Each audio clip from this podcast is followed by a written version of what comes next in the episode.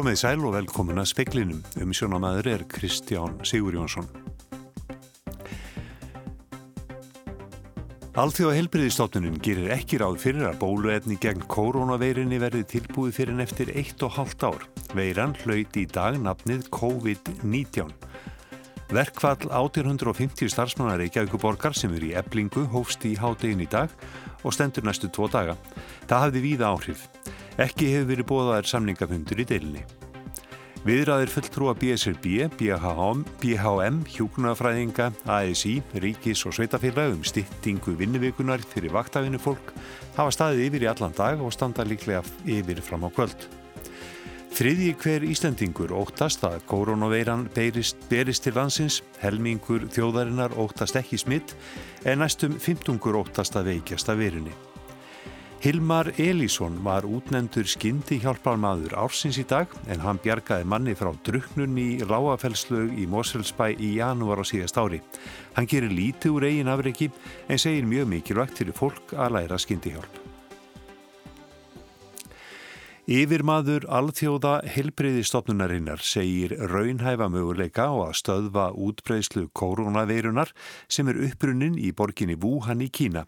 Hún hlaut í dag nafnið COVID-19. Sóttvarnasérfræðingar komu saman á ráðstefnu í Genf í Sviss í dag til að ræða viðbröðu við koronaveirunni. Tedros Adhanom Ghebreyesus, yfirmaður alþjóða heilbriðismálastofnunarinnar, sagði á fundi með frettamönnum síðdeis að raunhæfir möguleikar væru á að stöðva útbreyðslu hennar. En þar sem eitt og hálft ár væri líklega í að bóluefni við henni kæmi á markað, þyrsti að beita öllum tiltækum vopnum til að berjast gegn henni. The first vaccine could be ready in 18 months. So we have to do everything today using the available weapon to fight this virus. Á ráðstefnunni í dag var kynnt nafn á veruna sem hefur verið kölluð eitt og annað frá því að hún var greind í Wuhan í Kína á gamlárstag. Að vandlega aðtuguðu máli var ákveðið að kalla hana COVID-19, CO fyrir korona, VAFI fyrir vírus og D fyrir disease. Þannig er hún hvorki kent við stað, þjóð eða dýrategund. Alþjóða helbreyðistofnun hefur líst yfir neyðar ástandi á heimsvísu vegna verunar. Hún hefur dreyið yfir 1000 til dauða og smitað yfir 42.000 í 25 löndum, langflest í Kína.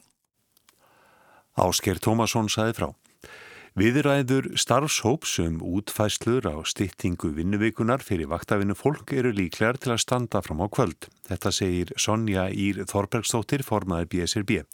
Í starfshópnum eru fulltrúar BSRB, BHM, fjarlags hjókunafræðinga og alþýðisambansins og fulltrúar viðsemjenda hjá Ríki, Borg og Sambandi Íslenskra Sveitafélaga. Síðasti fundur var á sunnudag og þá var ákveðið að ráðfærast við baklandið fyrir fundin í dag. Sonja leggur áherslu á að vinnan haldi áfram og að viðræðuna séu ekki komnar á þann tímapunkt að skrifa verðundir samninga. Áhrif verkfalls 1850 starfsmanna Reykjavíkuborgar sem eru í eblingu hafði víða áhrif, hafði víða áhrif í dag. Ebling hefur veitt margar undan þáur og þá helst til við ummönnun aldraðs og fatlaðs fólks. Verkvallið heldur áfram á morgun og á fymtudag. Ekki hefur verið búið til samningafundar. Verkvallið hefur til dæmis áhrif í fjarlagsmiðstöðum borgarinnar því þar geta eldri borgarar ekki pengi hátegismat og kaffi. Eldri borgarar í tómstundastarfi í fjarlagsmiðstöðinni við Ablagranda litu það ekki á sig fá í dag og eitt þeirra á ekki vona því að verkvalli leysist í bráð. Við komum bara með kaffi með okkur, kaupum með kaffinu, skiptust um á að gera það. En hvernig líst þér hann svo verkvallið? Ítla, en samt þetta fólk þarf að fá sín laun. Þú hafa allt og lítið laun. Heldur þetta standi lengi? Já. Heldur það að vera ekkert samið? Nei, ekki næstunni. Þetta snerti mig svo lítið. Maður er svona gammal að maður þarf ekki að hafa neina rákjör á þessu. Þú ert inn í háttegismat en nú, nú farið hann ekki. Ætlum að taka bara ekki kaffibrús og, og bitabóks og hafa með sér að heimann. Hvað með verkvallið sé allt? Hefur ágjur að þessu? Nei, ég hef ekki mikla ágjur að þessu. Við verðum ekki tálkunni banni. Það er bara að pússa og slípa. Það lætur ekki verkur hendi falla. Nei. Það prjónar á mitt í bæja. Saði hörður Hilmisson áður talaði Þórtís Arljósdóttir við Magnús Stengrimsson og Guðrúnu Jónsdóttur. Næstum þriðjungur þjóðarinnar óttast að COVID-19 veiran berist til landsins. Næstum fymtungur óttast að smitast að verunni en helmingur hefur ekki áhyggjur að smiti. Konur eru líklegri en karlar til að óttast að 2019 koronaveiran berist hinga til lands. Þær eru einnig líklegri til að óttast að þær smitist af veirunni. Þetta kemur fram í nýjum þjóðarpúlsi Gallups. 32% landsmanna óttast það mikið að veiran berist hingað en álíka margir óttast það lítið. Landsbygjar fólk hefur meiri áhugjur en íbúar höfuborgarsvæðisins.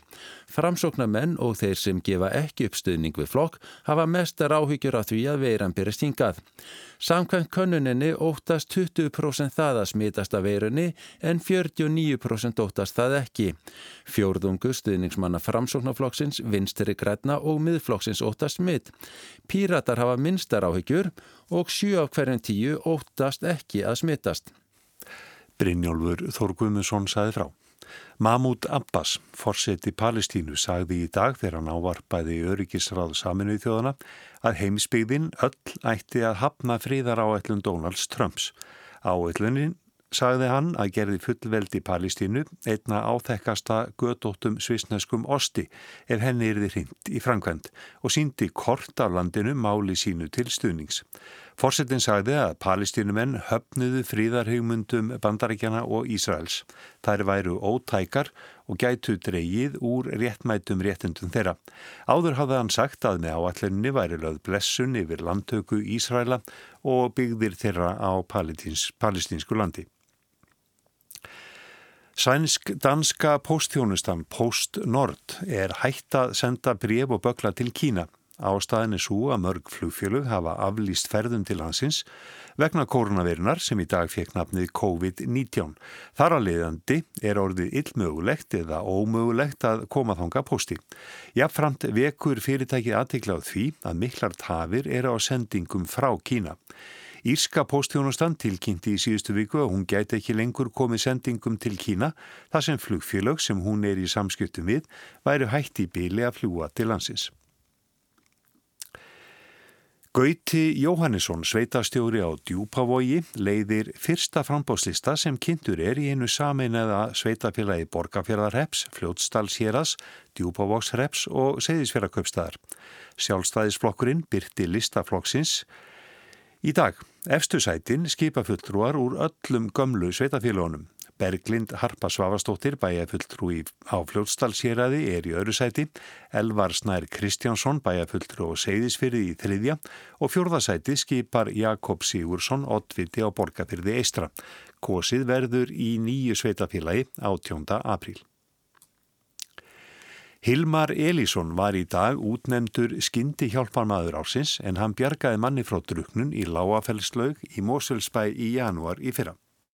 Ég var að fara að synda, fór að synda þannig og byrjaði í grunnaendunum svo þegar ég kom yfir í djúpa, djúpulaugina þá sá ég mann liggja á botninu þar og ég kafaði niður til hans til að reyna að ná taki á honum en náði ekki taki og fór upp aftur og næsta tilhörun þá náði ég taki á honum og kom honum upp á yfirborðið og kallaði á aðstöð ungu maður sem var þannig hjá sem kallaði á til að hjálpa mig að koma honum upp á bakkan svo þegar búin að koma honum upp á bakkan þá var bara að byrja að reyna endur líkan og starffólk kom þá fljótlega að.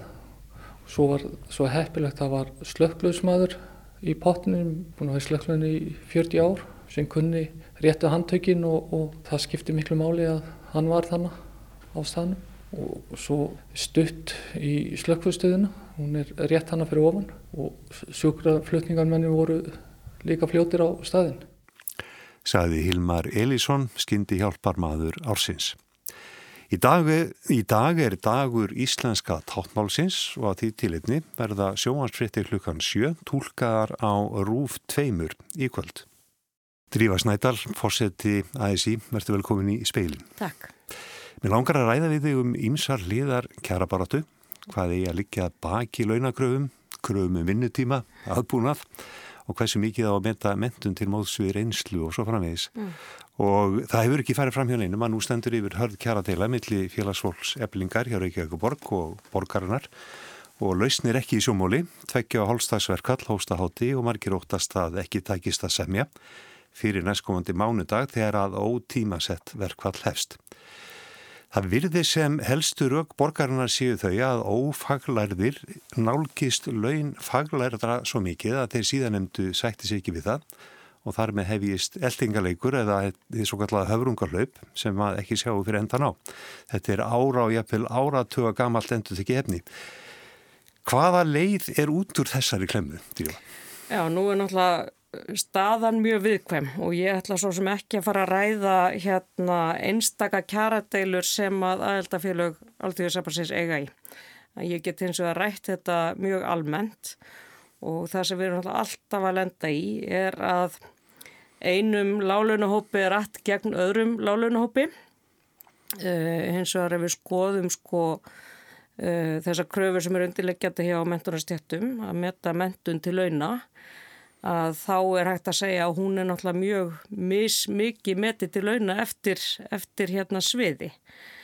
Nú ef við lítum á stórumyndina, eh, hvort sem við erum að tala um ófælært fólk, eða sett fólk sem er ekki með formlega mentun, eða fólk sem er með formlega mentun, að þá sjáum við mjög skýra kynja mynd. Eh, þeir sem eru lægstir með formlega mentum, það eru leikskólakennarar, ég er ekkit að segja neinn tíðandi hér. Þeir sem eru hæstir eru þeir sem starfa við lækningar, svona ef við tökum bara þessa stjætti sem að hagstofanir að byrta. Um, læknar hafa farið fram í sinni kjærapartu með kröfunum að meta mentu til launa. Leikskólakennarar gera það líka. Þannig að við þurfum stundum að grafa svolítið dýbra í þetta hugtak að meta mentun til launa.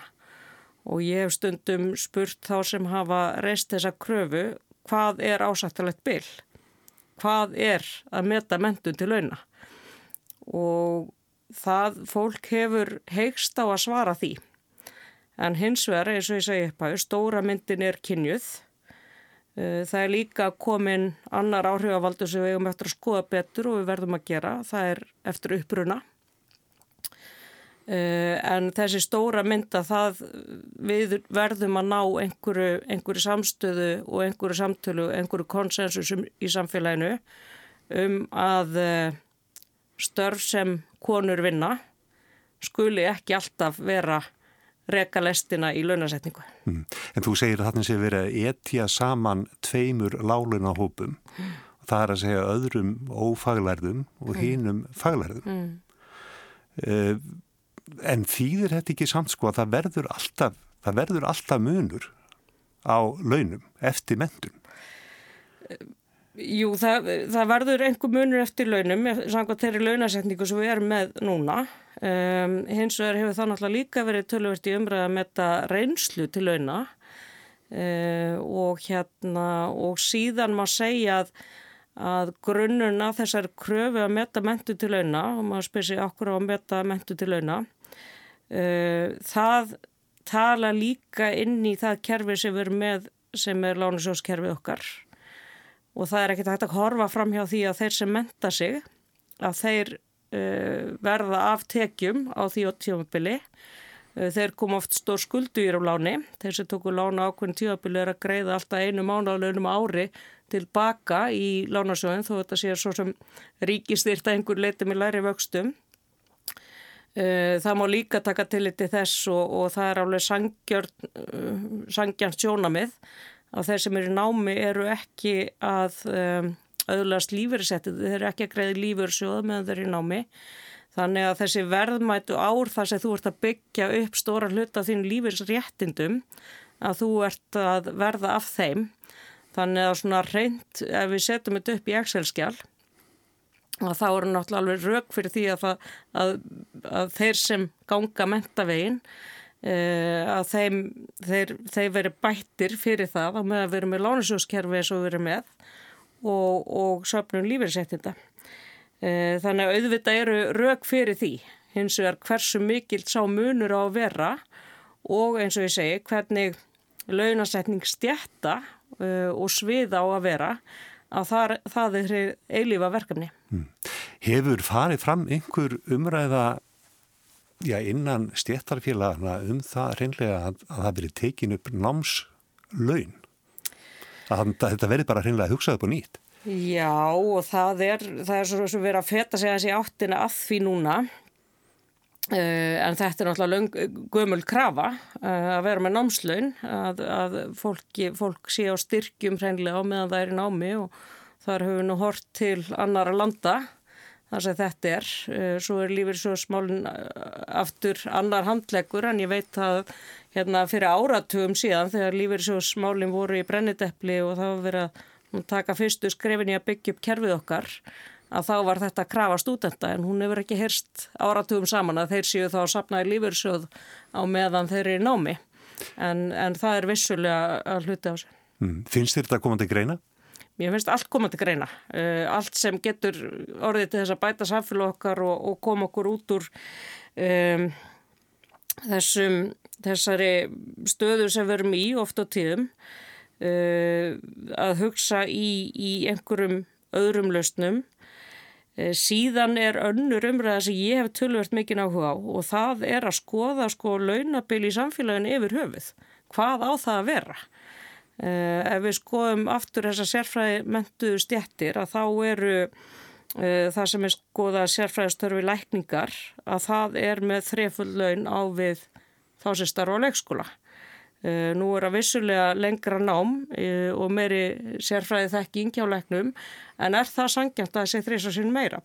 Þannig að við séum ekki alltaf að bera saman sko stjættir sem eru sko faglærðið og ófaglærðið á leikskóla, heldur tökum allan munin. Og ég hef nú stundu velt upp þeirri hugmynd að, að hérna breyta lögum um ársækninga þannig að fyrirtækjum ber bara greina frá launamununum. Uh, hver er launamunur innan hvers fyrirtækis fyrir sig? Eh, við þurfum líka að taka samfélagslega umræðan um hver, hvert launabilið á að vera í samfélaginu. Hvað þólir svona lítið samfélagis og okkar mikið launabil. Eh, þetta er stundu verið rætt á alþyggi, eh, setja lög um launabil hreinlega. Mér eru alltaf fundist þetta svolítið hillandi hugmynd að þeir sem eru settir með hæstu launin hafa beinleginis haga því að lifta upp þeim sem lagstir eru. Þannig að hérna, þetta er, þetta er svona Þetta er stór umræða og, og kemur víða við. Að auki langar með að segja með, með launasetningu, kynja launasetningu á millisviða að það er eitthvað sem til dæmis jafnlaunastæðalinn tekur ekki á. E, þannig að þetta er svona kerfisbundin mismunun kynja sem að við erum ekki með, uh, við erum ekki með svona skilirtæki til þess að, að leira þetta. Mm. Stór spurning, hvar liggur grunnvandin í íslenskri launastefnu? Uh, sem feministi að þá myndi ég segja það að uh, það þótti ekki tilíðilegt að þurfa að greiða konum laun fyrir það sem er unnu áður launalust. Uh, þess vegna eru við að sjá það að ummönnunastörf, barnagæsla, þessi störf sem konu bara syndu hljóðalust áður, áður að fórt á vinnumarkaðin, að þau eru verið launasett heldur en önnur störf í okkar samfélagi. Hmm. Hvað með, eh, nú hefur verið unnið svona starfsmatskerfi, það er svona saminuverkefni ríkis og sveitafélag og, og stjættafélagana. Mm. Eh, hefur það hjálpað? Það hjálpaði mörgul hvernastjöttum, sérstaklega. Það sem var farið að metta störf öðruvísi, heldur en áður. Þannig að við sáum tölurverðan árangur í því. Eh, Jafnlaunastæðin er líka svona ákveðin útgáf af því. Eh, starfsmatið er svona til grundvallar þar í staðlinum eins og er, er gallin sá að það er bara fyrirtæki eh, eftir fyrirtæki. Það er ekki verið að metta sko markaðin í hilsinni. Um, þannig að jú, við náðum ákveðnum árangri þar. Uh, það er engin einn töfralust og þeir sem bjóðu upp á töfralustnir í þessu, ég verð alltaf mjög svona skeftisk þegar ég heyri það. Uh, lausnin hins vegar hlýtur að felast í því að við fyrstalega sko köfum onni í hugmyndinu um að metta mentu til launa, hvað eru við að tala um þar og svo náum við uh, bara sátt í samfélaginu um að minka bylið á milli þessara klassíska kvennastjætta og, og, og, og þeirra sem eru á hæslaunaðir. Einn loka spurning, hvað varðum saleg? sem að valgir bundu mikla voni við. Já og það er kannski eitt, einn ángi af þessu meiði að uh, það var aldrei sátt í samfélaginu um launaröðun, milli atvinnugreina og milli stjætta. Eh, það var eitt af því sem var til þess að Saleg var ekki, hérna, ekki, ekki á vetur setjandi þá. Um, og það var alveg ljóst að, hérna, e, að margir upplýða að það hætti þá að halda niður í ákveðinu stjættu með Saleg þessar hófsumu launahækkanir sem á sögum að stjættu voru bara ekki tilbúin til að sætta sig við af því að þær þurftu leiðréttika við. E, þannig að áður en við náum einhvers konar sátt að þá getum við ekki verið með hérna, uh, svona heldar viðmið fyrir alla launamarkaðin uh, þegar, þegar ákveðna stjættir telja sig og þurfa leðrættika við. Drífað, þú saðir upp að þú vildir ekki tjá þig um yfirstandandi kjaradeilu en ég ætla nú samt að spyrja þig, ertu vongóð um að þessi deila leysist á næstunni? Villi eblingar hjá, starfsfólki eblingar hjá Reykjavíkuborg? Já, það enda með því að það verið undirritaði samningar. En hverjar? Uh, ég ætla ekki að spá fyrir það. Drífa Snædal, fórsetið aðeins í. Takk fyrir komuna í speilin. Takk.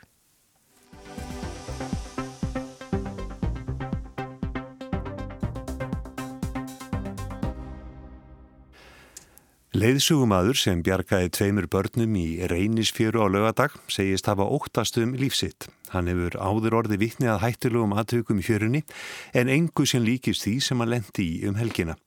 Madurinn segir skiltin sem eiga að vara fólk við hættilugum ólguöldum eða sníkerveifs illskiljanleg og gagslaus og vill að komi verði upp gæstlu í fjörunni.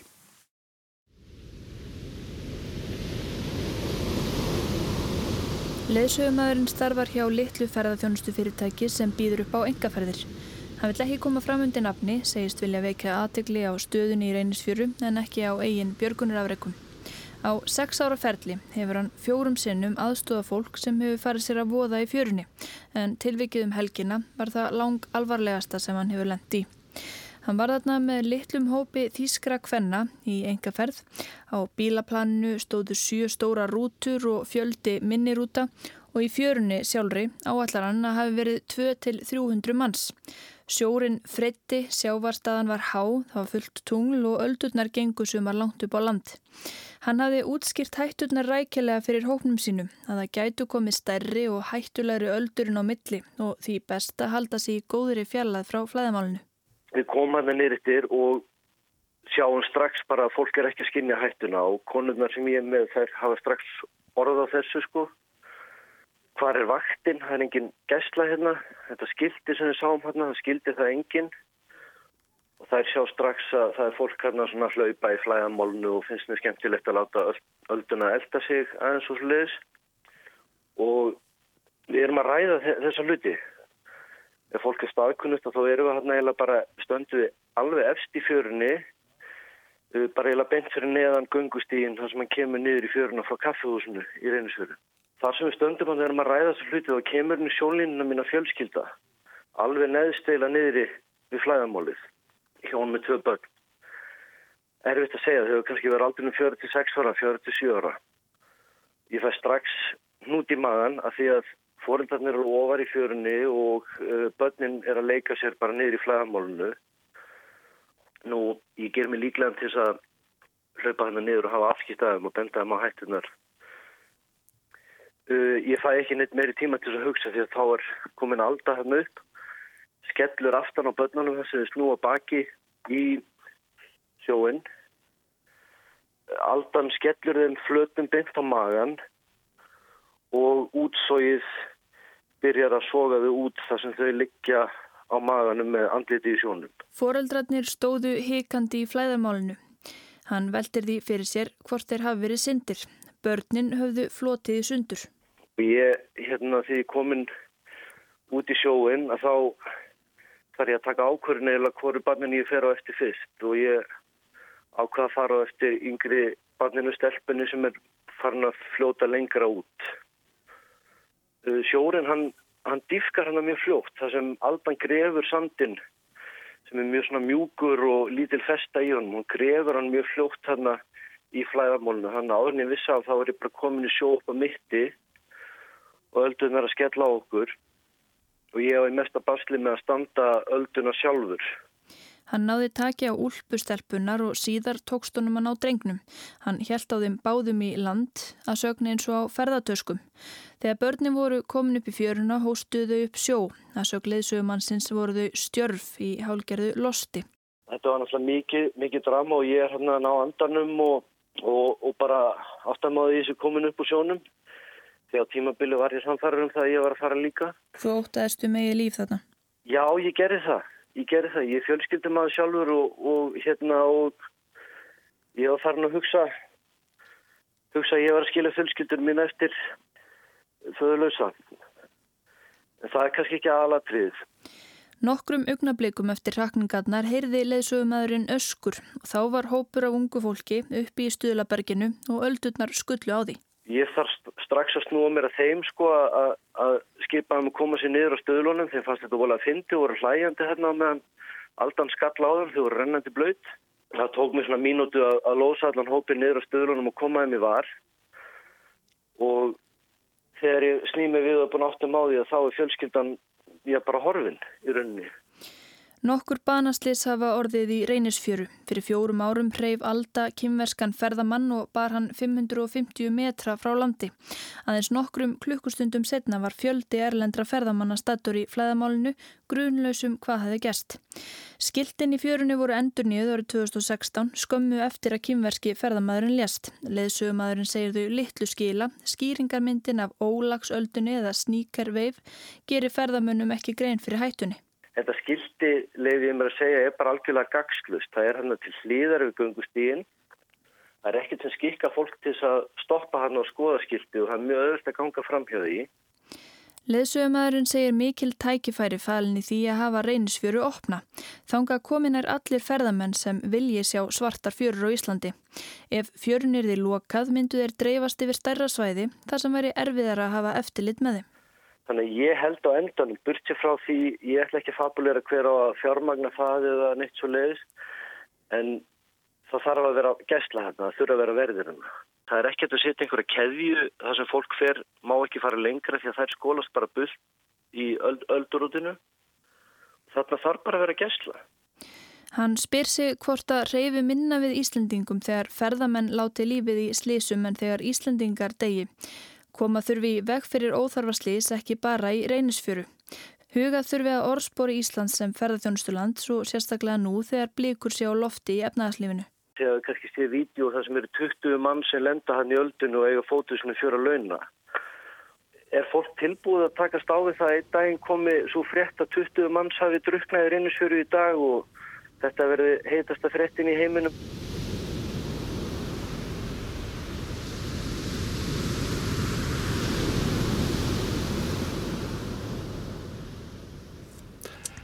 Það var Arnildur Haldanadóttir sem tók þennan pistil saman. Fjallaverður um aðgerðið lauruglu á sæðinu í spekli morgundagsins.